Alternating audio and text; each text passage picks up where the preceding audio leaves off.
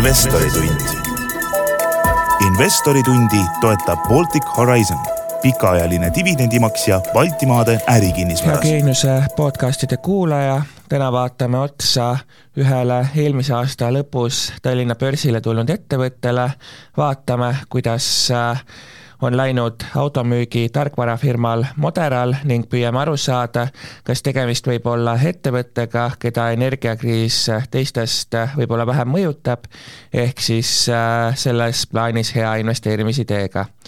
ning selleks, et küsimustele vastused saada, oleme stuudiosse palunud Modera asutaja äh, Raido Toonekurgi, tere Raido! tervist! ja saadet juhib Geeniuse investeerimisportaali vastutav toimetaja Indrek Mäe aga alustamegi võib-olla sellest, et äh,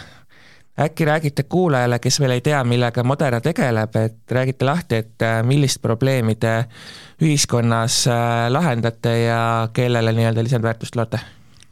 jaa, meie missiooniks on tegelikult kokku viia autotootja ja autotarbija. ja seda me teeme siis läbi tarkvara ning soovime seda teha võimalikult kasutajasõbralikult Äh, efektiivselt ja võimalikult väikese jalajäljega. nii et tegelikult äh, selles ahelas, äh, kus niinimetatud autode info voolab, siis meie oleme seal see torude ehitaja ja info kokkuviija ehk siis autotootja kokkuviimine autotarbijaga, et kas ma saan õigesti aru, et teoreetiliselt ei oleks siis müügisalonge enam, enam justkui vaja? mitte seda, me selles mõttes ka praegu näiteks on, ongi müügisalongid on üks meie peamine klient ehk et tegelikkuses, milline see müügiahel on praegu või viie või kümne aasta pärast, siis äh, meie proovime selle kogu selle flow'ga kaasas olla, et kui me tegelikult tuleme siiasamma pragmaatilisemasse maailma, siis näiteks, et kui te lähete Kiia Eesti kodulehele või Amser kodulehele, siis seal taustal on meie süsteem, teete sealt päringu. see rändab äh, auto müügimehe töölauale, kus on siis meie CRM süsteem, kus ta juba teeb pakkumise, tellib auto. nii et tegelikult meie oleme seal taustal see niinimetatud närvivõrk või juhtmestik äh, kes hetkel teie süsteemi kasutavad, palju teil kliente on ja kes on neist suuremad? Meil praegu on, tuleb tulu juba kolmeteistkümnest riigist ja need äh, kliendid siis kokku esindavad üle kolmekümne brändi, nii et meil on päris lai ampluaa kaetud. Baltikumis on meie turuosa siin üle viiekümne protsendi, suuremad kliendid Baltimaades on näiteks siis äh, Toyota müügivõrgustik, Kiia müügivõrgustik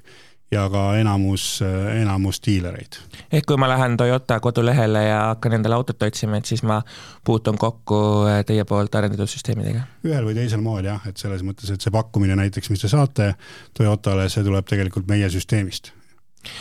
äh, kui palju sõidukeid äh, või millise summa ulatuses teie tarkvara abil müüdud on tänaseks? ja tänaseks on juba läbi süsteemi liikunud üle viiekümne ühe tuhande auto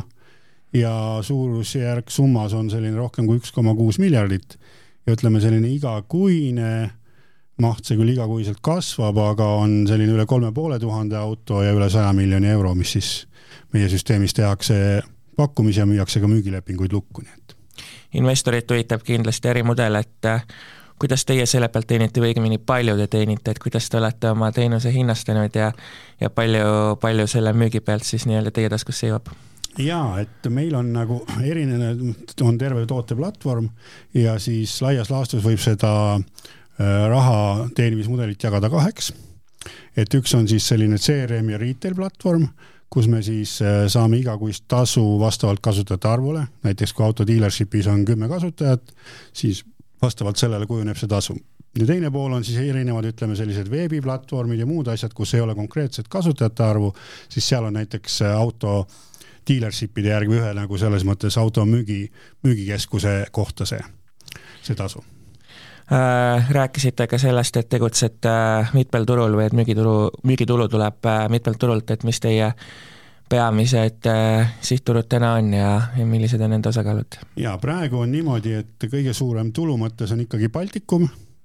Eesti, Läti, Leedu ja Rootsi, et need on nagu põhiturud, aga samas, et me oleme siin erinevate lepingutega jõudnud, nagu ma ütlesin, juba kolmeteistkümnesse riiki. üks nendest on näiteks Austraalia, samamoodi on Euroopa riigid, et kus praegu on see veel väike, aga kasvupotentsiaal on väga suur, nii et selles mõttes, et äh, et eks meie puhul ongi see, et meil on vaja päris palju eeltööd teha, aga siis, kui me hakkame step by step edasi liikuma, siis see kasv saab olla juba päris kiire ja suur Teil oli ka Ukraina turg, kuidas sellega lood on ja kui suur hoop kahekümne neljas veebruar kaks tuhat kakskümmend kaks teie jaoks oli? jaa, Ukraina turg on olnud, seal on olnud meil arendajaid ja on siiamaani. et jah, seal on kaks poolt, et see arendustiim on siis meil ümber lok-, blokeeritud, üks noh, selles mõttes seal on ainult üks osa, et meil on veel nii Eestis kui mujal Euroopas, nii et osad inimesed blokeerisime Eestisse, osad, kes ei saa sealt välja, on siis Ukrainast teistesse piirkondadesse, nii et tegelikult remote kontorina töötab ta edasi, kontori me panime seal kinni müügi poole pealt on nüüd nii, et seal meil väga suurt müügitulu veel ei olnud, selline paar tuhat eurot kuus. aga samas meil oli üks päris suur autogrupp Pinner on ta nimi, ta on tegelikult äh, Ukraina-Ameerika juurtega inimeste äh, tehtud ning äh, ta on päris mitmete suurte brändide esindaja ja kellel on päris suured müügivõrgud üle Ukraina. nii et seal me olime sellises faasis, kus me oleks hakanud lansseerima erinevatele müügivõrkudele seda oma tarkvara. kahjuks nüüd lükkub see edasi, et loodetavasti kui seal olukord stabiliseerub ja hakatakse üles ehitama, et siis saame uuesti alustada ehk siis Ukraina lõplikult maha kantud ei ole, et lihtsalt äh, ootate? jaa, aga noh, praegu selles mõttes lähema poole aasta, aasta perspektiivis me ei näe sealt erilist tulu äh,. Modera puhul on ka välja toodud, et äh, ütlesite vist isegi oma viimases finantsaruandes seda, et teie tegevus ei sõltu toorme ja energia hindadest, et äh, samas on äh, need kaks midagi, mis otseselt ei pruugi mõjutada, aga nad mõjutavad äh, kõiki teisi hindasid ühiskonnas, et äh, kui palju teie olete arvestanud või kardate inflatsiooni mõju ja kas, kas see õnnestub ka teil nii-öelda lõpphindadesse edasi kanda? ja eks inflatsiooni mõju peab ikka arvestama. noh, loomulikult me käime turuga kaasas ja kui mujal on hinnatõus ja meil ütleme, sisendhinnad, mis noh, kasvõi palgad ja see kasvab, siis loomulikult tuleb seda edasi kanda ka kliendile samas jah, nagu mainitud, et äh, siis nii otseselt meid ei mõjuta energia hind ja, ja toormete hind, et selles mõttes me oleme natukese paremas seisus. ja tegelikult, kui ongi see energia hind ja muu hakkab pigistama, siis meile on natukene isegi mõjunud see positiivsemalt, et digisi lahendustest otsitakse seda väljapääsu nii et aga jah, ei kindlasti selles mõttes, et äh, seda tuleb turul jälgida, et äh, kui sisendhinnad kasvavad, tuleb ka enda hindu tõsta. aga võtagi nüüd nagu lähete Toyota juurde, ütlete, et et soovime hinda tõsta, aga Toyota ütleb teile vastu, et autoturg on languses, meil on ka väga raske, meil ei ole teile lihtsalt kuskilt maksta, et kuidas sellises olukorras toime tulete? no see on tegelikult tavapärane äriläbirääkimised, et, et kindlasti nagu et äh, ütleme, meie jah, suuremad kliendid siin on automüüjad, et kui te vaatate näiteks teeninduse tunnihindu, siis need on ka jooksvalt kasvanud ja nii edasi, nii et noh, eks seal me peamegi olema konkurentsis, et meie toode peab siiski tekitama mingi teatava eelise, et näiteks sa saad äh, hakkama vähemate inimestega, et sealt, et eks seda me proovimegi nagu ka äh, müüa ja oleme seda suutnud ka, et selles mõttes, kui sa näitad, et kus sa kas tulu teenid rohkem või kulu läheb väiksemaks siis läbi selle on see võimalik. Või ka tegelikult, mis äh, mina näen, et nüüd on võib-olla siis autotööstuses selline väike plahvatus, et autotootjad on ärganud selle koha pealt, et tuleb rohkem nagu kliendi järgi teha oma müügiahelat, et ei peagi olema nii, et äh, klient äh, kindlasti peaks minema müügisalongi, vaid et et, et kui ta saab, ta saab digitaalseid lahendusi kasutades oma enamus küsimustele vastused. nii et mulle tundub, et see on viimase isegi ma julgeks öelda sellise poole aasta trend, kus hakatakse otsima järjest rohkem selliseid lahendusi. ehk siis äh, müügitöö kui selline ja nii-öelda inimtööjõud salongides, et see on valdkond, mis tulevikus ära automatiseeritakse? ja aga noh, ega ta selles mõttes sada protsenti automatiseerita, aga see läheb nagu natukese rohkem ta digitaliseerub, ehk kui juba praegu noh, kas telefoni või ma ei tea, arvutit või televiisorit äh, rahulikult ostate veebist, süüa tellitakse äpist ehk et äh, seal autondus on olnud võib-olla natuke mõni samm taga, et need sammud, mis saab sinna viia, et, äh, et seda tehakse nüüd järjest kiiremini. autoturg praegu on languses, et et mis teie nii-öelda vaade, vaade lähiajale on, et teame ka, et laenuraha muutub kallimaks ja nii edasi, et kas võib juhtuda, et mingiks ajaks nõudlus autode järele üldse külmub või, või muutub väga väikeseks? ilmselt saab olema see selle aasta viimane kvartal ja järgmise aasta esimene kvartal ehk siis lähem poolaasta päris keeruline aga samas nüüd esimesed positiivsed märgid olid näiteks augustis äh, Saksamaa turg kasvas kolm protsenti autoturg ja Inglismaa turg üks koma kaks protsenti. nii et sellised esimesed märgid on tunda ja siis äh, just hiljuti rääkis äh, ka ühes raadios Priit Tamm, kes on siis Eestis toodetakse autole allhang-, allhanke korras erinevaid detaile, tekstiildetaile ja plastdetaile. ja tema ütles seda, et tema on näinud nagu paar aastat ette autosektoris, kui neil hakkab nagu tellimused langema või kasvama, siis tema ütles, et tema praegu pigem näeb seda, et äh, tellimused hakkavad vaikselt kasvama või see elu läheb käima, aga noh, see võib alles tulla selline aasta-paari pärast, kui see jõuab reaalsele turule ja mina ise ka, meie näeme seda, et praegu nagu autotootjad tundub, et hakkavad oma nagu tarneahela probleemidesse leidma uusi lahendusi, tulenevalt siin Covidist ja sõjast. Ja nüüd ikkagi vaadatakse pigem nagu tulevikku positiivsemalt, et kindlasti ongi näha, et selline pool aastat on ilmselt raske, aga edaspidi siis äh, pigem kuna tegelikult on olnud ka paus selles mõttes, et paar aastat on ikkagi autode tarnimine ja ostmine olnud madalam kui muidu nii et noh, see on tegelikult tekitanud ka sellise väikese augu. Nii et jah, kindlasti näeme, mis juhtub. ütleme, et Eesti turul tegelikult ka, et kui nüüd viimane aasta võib-olla oli see, kus ei olnud näha ühtegi auto hinnakampaaniat, siis nüüd on need juba alanud, nii et noh, selles mõttes see on näha, et tarbijat ikkagi kõrgemad energiahinnad, intresside tõus mõjutab aga saame näha, et kui, kui, kui kaua see võtab, aga ma prognoosiks, et võib-olla pool aastat kuni aasta. Aga et pigem ma arvan, et see autode tarbimine kuskile ei kao. Ehk siis, kui poole aasta, aasta pärast autode tarbimine taastub, kas siis nende eest on võimalik küsida ikkagi sama hinda, mis, mida oli võimalik enne küsida või tuleb siin arvestada ka, et, et mingi osa sellest hinnast läheb ikkagi kaduma, vähemalt mõneks ajaks? see on hea küsimus, et selles mõttes seda on päris keeruline prognoosida, aga alati paneb hinna ikkagi paika nõudluse-pakkumise tasakaal ehk et kui vahepeal autosid ei olnud, siis läksid hinnad ülesse. kui tekib nüüd see, et turul nõudlust ei ole, kliendid on tagasihoidlikud, aga autosid toodetakse, siis kasutatakse jälle hinnakampaaniat, nii et noh, kindlasti see loksub ühte kohta paika, aga, aga pigem nagu selline kasvutrend tulenevalt erinevatest keskkonnanõuetest on olemas auto hinnale mm,. samas teie tulemusi vaadates tundub, et kõik on hästi, kasvasite selle aasta esimesel äh, poolaastal äh, tulude poolest enam kui poole võrra, et äh, et kuidas nii on juhtunud, et, et probleemid teid ei mõjuta või, või, või on see mõju hoopis näha kuskil tulevikus või, või kuidas te seda vaatate? no tegelikult, eks on kõvasti tööd tehtud, aga nagu ma ütlesin, et tõesti, et meil on praegu hästi läinud ja üks osa sellest on ka tegelikult see, et meie äh, äris ju üle poole moodustab selline niinimetatud tarkvara renditulu. ja kuna meie tarkvara on siiski ärikriitiline ja sellest pigem ei loobuta või kui üldse,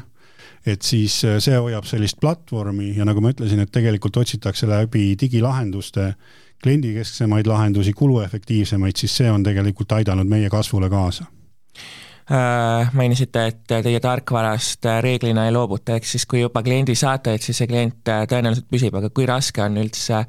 mitte tänases olukorras uute klientide leidmine või, või neile oma toote müümine või kui palju neil üldse alternatiive on? no tegelikult on nüüd lugu selline, et me oleme ka oma tarkvara ehitanud päris mitu aastat ja teine, mida me siin oleme viimased aasta-poolteist intensiivselt ehitanud, on ka seesama enda,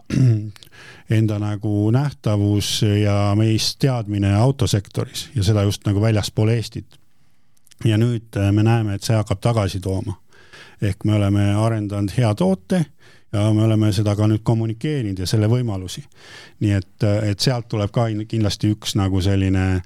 võtmetegevused praegu tõesti ütleme viimase paari kuu jooksul just on neid päringuid hakanud järjest rohkem sisse tulema ja ka isegi just siin eelmine nädal üks äh, Skandinaavia autode maaletooja kutsus meid enda kontorisse, et tulge noh, räägime võimalikust ärist ja nii edasi.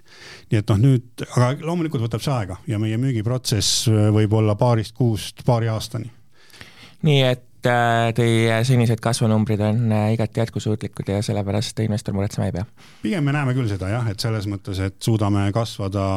vastavalt oma plaanidele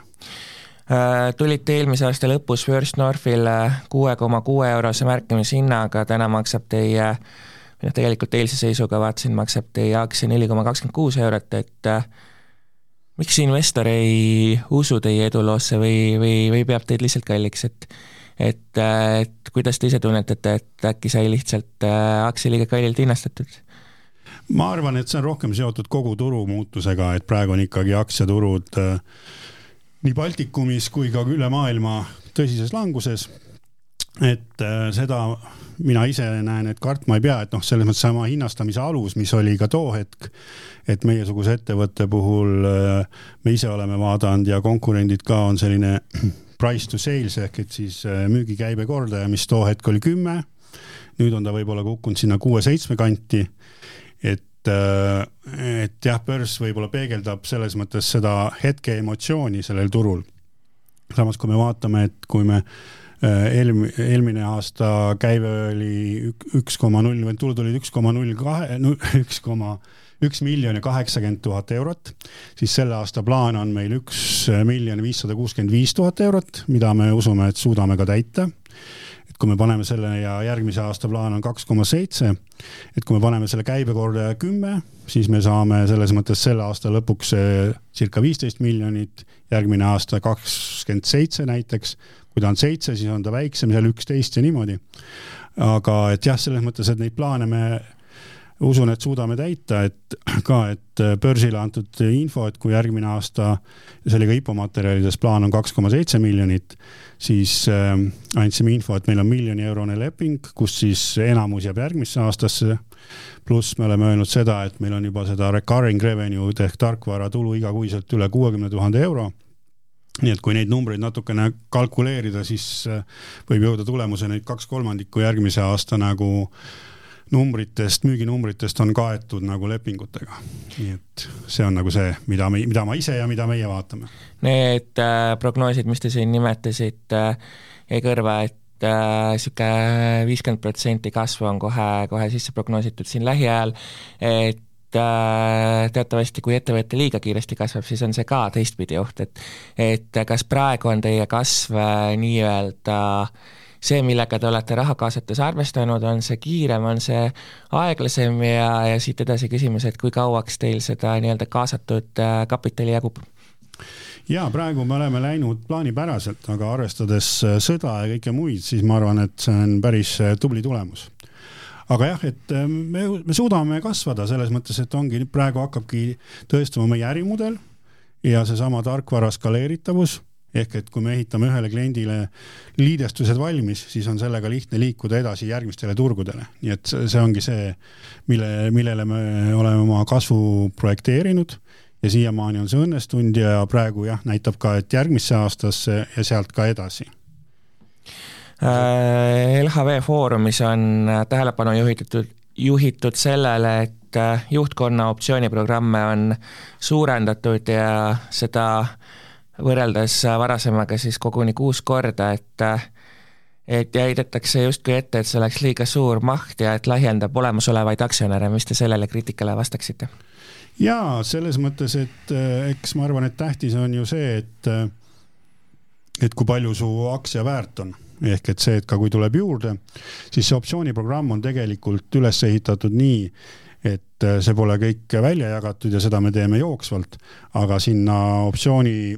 süsteemi on ikkagi projekteeritud see, et need realiseeruvad siis, kui ettevõte saavutab teatud tulemused, nii et selles mõttes see kaksteist protsenti kindlasti peaks ennem tulema olemasolevale aktsiale juurde ja optsiooniprogrammid meil on ikkagi kolmeaastased. nii et ja ütleme, mina ise ja äh, meie nõukogu esimees Siim Vips, et me oleme ise rohkem kui poole firma omanikest, nii et me kindlasti ei, ei taha neid niisama jagada, vaid pigem ongi see jah, et motiveerida inimesi, samas äh, on, seome sinna ka saavutatavad tulemused. nii et, et sellepärast ma arvan, aktsionärid ei peaks muretsema ja loomulikult üks oluline on ka, et kuna me oleme värvanud endale siin rahvusvahelisi talente, siis seal on ka kindlasti üks selline oluline nüanss mainisite, et teie toode on hästi skaleeritav ning et kui ta juba kord valmis on, et siis, äh, siis lihtsalt on edasimüümise küsimus, et et äh, vaadates teie arenduskulusid, siis need on kahekordistunud, kas sellest võib järeldada, et toode veel areneb või ja et, ja et ühel hetkel need nii-öelda arenduskulud peaksid siis jääma nii-öelda platoole pidama? Ja selles mõttes, et toode veel tegelikult areneb ja päris nagu seisma see tootearendus ei saa jääda, sest siis sa jääd nagu rongist maha. aga pigem on see, et mis me näeme, et see tulude baas kasvab ja siis ta ütleme siin järg, praeguse prognoosi kohaselt siin kaks tuhat kakskümmend neli teiseks pooleks või lõpuks siis peaks tulud kasvama kuludest ette ka jooksvalt nii et jah, et natukene on võib-olla võrreldav meiega see tarkvara ehitamine kinnisvaraarendusega, et sa ehitad valmis ja siis hakkad renditulu saama, nii et algselt on ikkagi see investeering ja ka kulu suurem. ja siis ühes hetkes on sul see võimalus nagu, võimalus see tagasi teenida ja see kulu pole enam nii suur tarkvaraga küll on see lugu, et selles mõttes, et see arenduskulu ikkagi jääb, aga ta proportsioonis äh, muutub palju väiksemaks ja jaguneb äh, palju suuremate äh, suuremate ühikute vahel, et rohkemate klientide vahel. millal äh, toode siis saab sellesse faasi, et, äh, et nii-öelda arenduskulude kasv vähemalt pidurduma hakkaks? see on üld, üldiselt, ma arvan, selline järgmise aasta teise poole või ülejärgmise aasta teema, et, äh, et me jõuame ühele levelile, kus ta jah, enam nagu ülespoole. no tegelikult ega ta praegu nagu, ma arvan, järgmisel aastal ka väga palju ei kasva. aga see võib olla seotud jälle mõne suurema projektiga kus äh, tuleb teostada teatud integratsioone ja lahendusi, et siis seda, et siis lahendust lansseerida nagu rohkematel turgudel. Äh, millal nõuab äh, nii-öelda teie tegevus uut kapitali ehk millal, millal saavad investorid uuesti teie aktsiaid märkida? jaa, praegu ongi plaan niimoodi, et järgmise aasta esimese kvartali lõpus, et kaasata uut raha, et siis, et siis plaane plaane ellu viia ja realiseerida? Äh, see tundub samas äh, ajana, kus äh, eksperdid ennustavad, et et turg võib olla kõige rohkem jääs ja ajad kõige keerukamad, et liiga suurt riski ei võta või kuidas te tunnetate seda, et kui lihtne on, kas täna või siis, või siis veel poole aasta jooksul kapitali üldse kaasata? jaa, et kindlasti on see risk olemas, et turud on madalseisus samas äh, me selle tegelikult esimest korda ütlesimegi välja siin oma kuue kuu börsiinfoga koos, nii et noh, nüüd me hakkamegi seda ette valmistama. Need numbrid ei ole väga suured, mis me plaanime kaasata ja ka meie enda esimese IPO puhul me tegelikult läksime ainult jaeturule, me väga erinevaid fonde ei, ei kaasanud, aga seal tekkis ka mõningatel fondidel huvi et äh, nendega on plaanis rääkida. samas on meie nagu suuremate aktsionäride hulgas päris äh, tugevalt äh, rahastatud, ütleme, ettevõtteid, isikuid. nii et me usume, et, et see on, see on teostatav, aga jah, kindlasti on ta nagu väljakutsuv. aga samas jah, et kui ma nüüd olen vaadanud ka paralleelselt kasvõi First Northi Äh, olevaid äh, ettevõtteid, siis äh, noh, meie ikkagi oleme oma plaane täitnud ja lubanud, et võib-olla kui meie tulime IPO-ga ja näitasime seda viiekümne protsendist kasvu, siis vahepeal tundus endale, et see ei ole nagu mitte midagi. aga nüüd mõned, kes on lubanud palju suuremaid kasvusid, ei ole seda päris realiseerinud, nii et noh, meie eesmärk on ikkagi selline pikaajalisem, stabiilne stabiilne plaanide täitmine, et selles mõttes. mainisite institutsionaalseid investoreid, et kas võib siis hoopis juhtuda, et jaeinvestor jääb ilma? ei oska seda praegu nagu selles mõttes kommenteerida, et, et see ei ole veel paika loksunud, et äh, alati saab osta ju turult. samas nagu siin äh, ka saate jooksul välja on tulnud, et äh, et äh, olete kasvanud, olete prognoose täitnud ja nii edasi ja nii edasi, aga hoolimata sellest, et kas, kui suureks te hindate seda ohtu, et lihtsalt äh, turuolukord, äh, makromajanduslik pilt ja nii edasi sunnivad teid kapitali kaasama näiteks odavamalt kui eelmine kord? ja eks see loksub paika, et eks me saame näha, mis see järgmine aasta alguse turusituatsioon teeb et äh, see pole ka välistatud, aga pigem ikkagi rihiks äh, sinna, kus ta oli ka IPO, IPO juures, nii et ja pigem, pigem ma ütlengi, et et kui vaadata meie plaane ja kasvusid ja neid erinevaid kordajaid, siis selline paari-kolme kuni nelja aasta perspektiivis kindlasti ma usun, et ka aktsionärid võidavad, et ma arvan, et seesama, mis toimus tegelikult siin eelmine aasta, kus iga IPO-ga oli spekulatiivselt võimalik võita, siis noh, need ajad on ilmselt jätkuvalt möödas. ja üks väike nüanss ka, mis oli meie IPO-ga, et me tegime seda koos Enefit Greeniga täpselt samal ajal mida, mida kahjuks ei olnud võimalik prognoosida, nii et äh, mainisite, et kaasatav summa pole, pole, pole nagu ülemäära suur et sel juhul, miks te annate üldse selle summa kaasamise eesmärgil ära osalust, ehk miks te kaasate aktsiakapitali, miks mitte laenukapitali võtta? Teate, selle laenukapitaliga on selline lugu, et, et sellisel konservatiivsemal ajal pangad pigem eelistavad selliseid füüsiliste varade vastu anda laenusid. nii et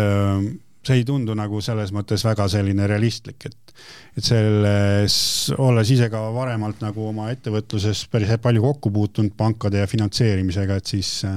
siis need, ma arvan, et me nende maatriksitesse liiga hästi ei sobi sellisel ajal, nagu ta praegu on.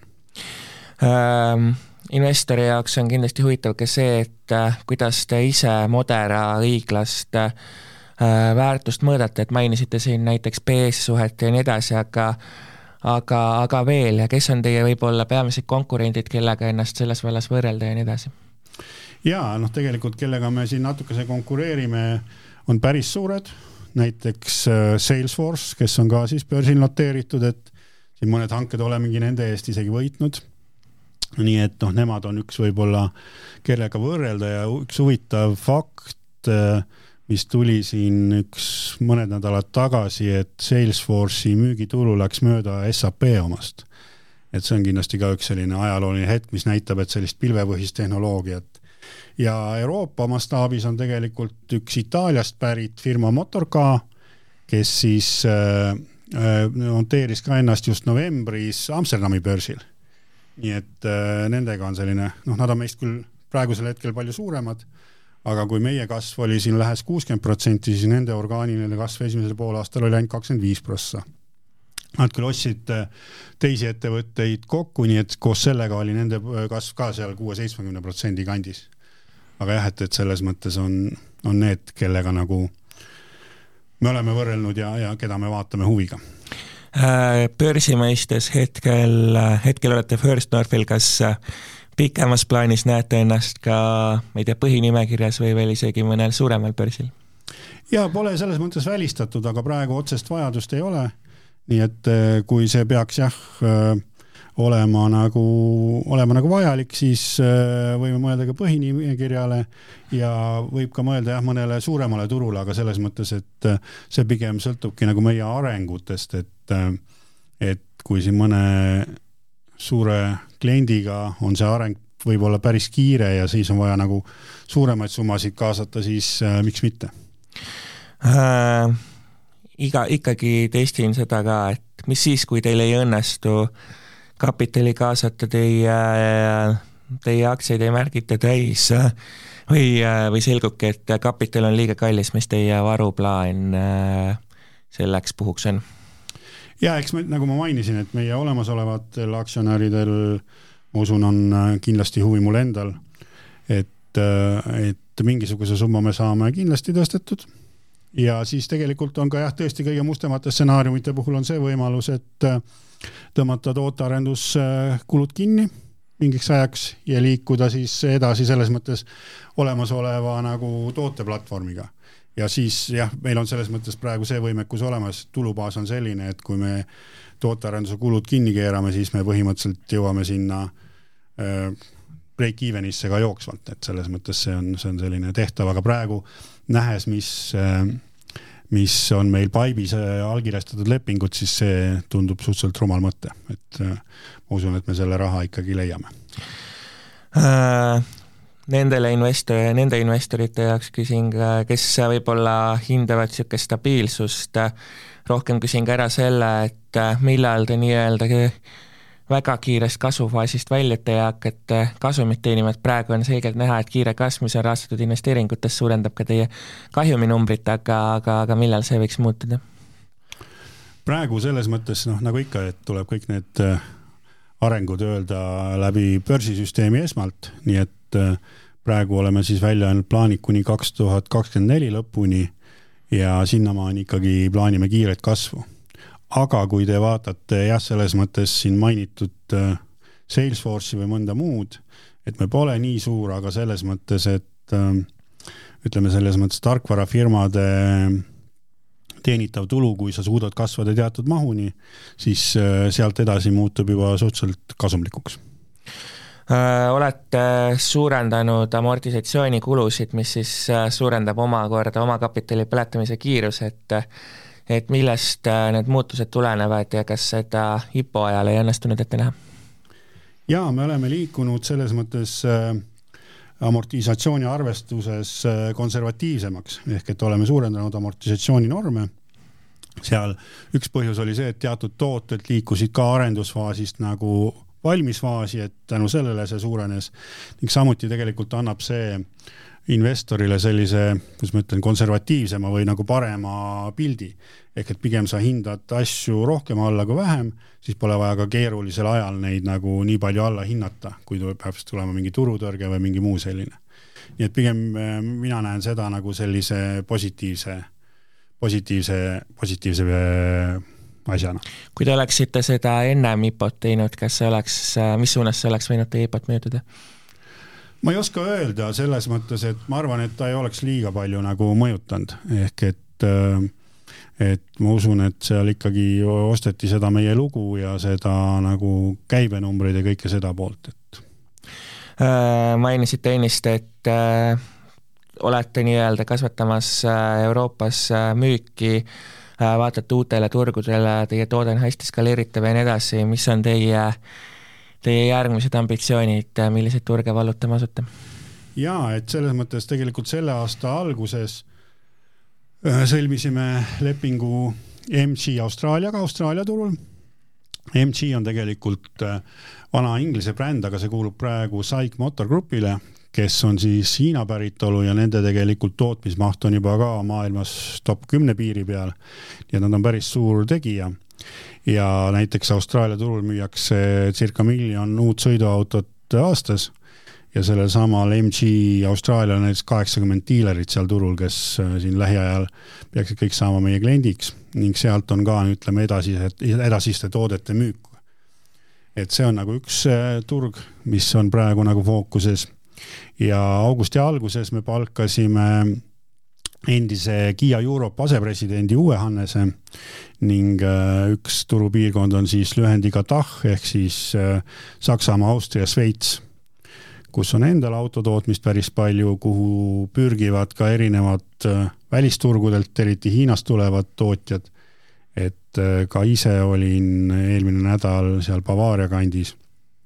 nii et neid arenguid on jah, et selles mõttes ja ütleme, see on nagu selline regionaalne, aga samas ongi see, et äh, meil käivad kogu aeg läbirääkimised ka erinevate auto müügigruppide või siis autotootjatega, kellel siis esinud, esindatus on mitmetes riikides. nii et see areng siis saab tulla ka sedapidi, et äh, kui valitakse meid oma partneriks, et siis sealt võib tulla hoopis kiire areng ja tegelikult ka äh, Norra turul on siis äh, meie üheks partneriks äh, sellise dealer management software äh, tegija nagu Incade ja, ja siin just olemegi lansseerimas sellist service booking lahendust tema klientidele, tal on üle saja viiekümne kliendi. et kes siis hakkavad seda lahendust nagu kasutama, nii et jah, et neid, neid arenguid on päris, päris mitmeid töös, et kuhu me oleme panustanud kuidas uutele turgudele sisenemine üldse käib, kuidas see protsess algab, mis on, mis on kõige raskem, millega te peate igapäevaselt arvestama ja nii edasi? No eks see ongi ikkagi seesama turu kaardistamine, siis et leida need õiged inimesed, kes äh, seal turul saaksid hakkama ja samamoodi siis leida need äh, tooted ja noh, ka mõneti siis see lokaliseerimine ja kogu see pool. et just see keele, keele kontekst ja kõik see mainisite, et teie konkurendid on äh, oluliselt suuremad, et mis on teie kui nii-öelda väiksema ettevõtte eelised võib-olla nende ees? Jaa, tegelikult see, mis, millega me olemegi nagu ka küsinud siin, kus me oleme mõningaid suuri, suuri kliente endale saanud, et äh, siis üks on paindlikkus kindlasti, ehk me ei ole ise veel nii suureks kasvanud, noh nagu Salesforce'i laadne ettevõte e,, siis on integreeritavus, et me ise näeme ka ennast ühena, kes äh, me suhtume väga nagu paindlikult integratsioonidesse, suudame seda teostada et see on kindlasti üks asi, mida selles mõttes paljud suured ei taha teha. ja võib-olla ka seesama fokusseerimine autosektorile ja see teadmine ja kompetents, et me oleme oma toote selle autosektori peal ehitanud ja seda tegelikult teinud koos kliendiga, et tegelikult praegu mina tunnen, et sellest hakkab päris palju nagu kasu tulema meile äh Modera sõlmis, nagu te ka mainisite, hiljuti miljoni euro suuruse lepingu, samas sellest väga palju te rääkinud ei ole ja saan aru, et ei taha või ei saa ka, ka rääkida, aga, aga, aga küsin siiski, et rääkige siis nii palju, kui saate ja mis on investori jaoks kõige nii-öelda olulisem sellest võib-olla teada? jaa, et äh, kindlasti me tahame, aga jah, lepingutega me ei saa seda teha. see on nüüd tõesti üks meie jaoks ka päris võimas projekt see on üks autotootja, kes kuulub ka maailma top kümne hulka oma tootmismahult. ja sisuliselt siis me temaga koos ehitamegi äh, sellist kaasaegset nagu müügiflow'd ja meie toode on seal üks selline võtmeelement, kuhu siis integreeritakse erinevad komponendid külge, näiteks seesama kindlustus, liising, erinevad infovood, et seal on ka äh, paar-kolm sellist rahvusvahelist juhtimiskonsultatsioonifirmat, nii et see on nagu ütleme nii, et ähm, ja nagu seal pressi- börsiteates sai ka mainitud, et see praegu me teeme seda lahendust ühel Euroopa turul ja plaanime või noh, plaanime on selles mõttes see, et seal on ka öeldud, et kui sel, see next step oleks selline suurem piirkond, mis on nende mõistes AMIEO ehk siis on Aafrika, Middle East, Indoneesia, Europe, et Äh, päris, päris suur piirkond. ja ka meie enda tiimi jaoks on see päris äh, väga huvitav väljakutse, kuna see ongi nüüd selle, ütleme, uue automüügimudeli äh, digitaalne ja ka, ka business side lahendamine. kas selliseid lepinguid on lähiajal veel oodata? kindlasti me töötame selles suunas, aga eks me anname sellest teada ikkagi börsisüsteemi kaudu, kui mõni selline, mõni selline reaalselt realiseerub yeah.. aga seda võin küll öelda, et me oleme õigete laudade taga nii tootjate juures kui ka on sellised äh, Euroopa või Skandinaavia suured diilergrupid, kes müüvad seal kolmkümmend, nelikümmend, viiskümmend tuhat autot aastas, et, äh, et see diskussioon käib ja, ja meid on nagu selles mõttes üles leitud. ja nüüd seda kõike juttu nii-öelda kokku, kokku võtma hakates, et siis, siis palungi teil lõpetuseks äh, öelda, et äh, Modera ja Modera investori jaoks, mis on võib-olla kõige suurem võimalus, aga ka kõige suurem risk? kõige suurem võimalus on kindlasti selles mõttes see meie kasv ja meie ikkagi, ma julgeks öelda, et üle keskmise kiire kasv, et kui me vaatame ka Eestisse või Tallinna börsile, siis äh, minu teada ei ole väga palju ettevõtteid, äh, noh, kes on tarkvaraettevõtted, aga kes müüvad kolmeteistkümnele turule see arv pidevalt ka kasvab ja, ja kellel on oma toode, et see on tegelikult kindlasti meie unikaalsus. riskina noh, nagu alati, et selles mõttes, et äh, ma arvan, et seda riski meil enam ei ole, et me tegevuse peaks lõpetama. alati investori jaoks on see risk, et äh, turud kõiguvad, aktsia hind käib üles-alla. nii et seal on nagu see alati, et äh, ühes ajahetkes sa võid võita, teises kaotada, aga pigem äh, ma olen ise, ise investeerinud ja, ja alati öelnud ka seda, et tasub nagu see lai loogika enda jaoks selgeks teha, et kas sa usud sellesse asja või mitte ja vaadata ka numbreid ja et siis selles mõttes, et alati tasub ise teha see otsus, mitte karjaga kaasa joosta. ehk siis äh, tegelikult käsitledagi teid kui äh, iduettevõtet ja panna siia juurde teadmine, et iduettevõtete investeerimishorisont on võib-olla pikem kui, kui äh,, kui aasta või kaks ja, aga selles mõttes ka mitte ära unustada seda, et meil on äh, juba praeguseks äh, aasta tulu poolteist miljonit eurot, nii et ja see kasvab. selge, suured tänud äh, Modera asutaja Raido Toonekurg täna selle intervjuu eest. suured tänud kutsumast. ja Investori tund on eetris taas nädala pärast, kuulmiseni